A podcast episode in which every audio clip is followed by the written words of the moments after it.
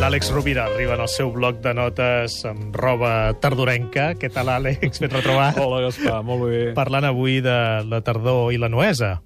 Sí, recordem que sovint hem, hem dit en aquest espai que quantes lliçons ens dona la natura que sovint ens passen inadvertides i contínuament la natura ens està mostrant des de la metàfora o des de la eh, evidència com podem viure, no? Avui m'agradaria fer un apunt sobre la nuor, ja que som a la tardor, i començaria amb aquell aforisme que diu que menys és més, no?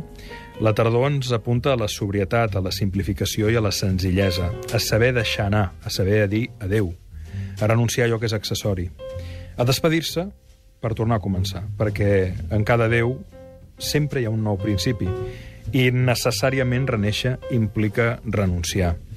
Um, aquests dies darrers que hem vist com el vent uh, s'emportava fulles dels arbres, un pot pensar que és una mena d'anticip de la mort, però en realitat sense aquest humus no hi hauria l'aliment que donaria la vida en, en, en la força que necessita l'arbre en la primavera. Cal saber despullar-se, cal saber renunciar, cal saber deixar de ser en part allò que som per poder esdevenir allò que estem cridats a esdevenir. La lectura d'avui, o la invitació d'avui, seria molt senzilla.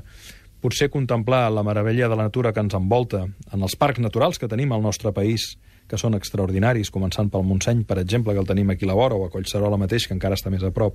De Barcelona. De sí, Barcelona, sí, això, això sí, pels oients de Barcelona, però d'altres són altres Bé, magnífics. Correcte, sí, sí. exacte. Vull dir, eh, que s'adrecin als parcs que tenen a prop, fins i tot als parcs urbans, i que facin una observació de la natura amb clau de lectures que per analogia puguem aplicar a la nostra existència. Jo penso que l'exercici de la nuor, de la sobrietat, de, de, de concentrar-nos en allò que és essencial i fins i tot de reciclar eh, més enllà d'allò que reciclem en la nostra quotidianitat, és un exercici formidable que ens fa viure amb més lleugeresa, amb més alegria eh, i amb moltes menys complicacions. Àlex Rovira, moltes gràcies. Moltes de nou, gràcies a tu, Gaspar. Fins diumenge. Fins diumenge, Una una abraçada. abraçada.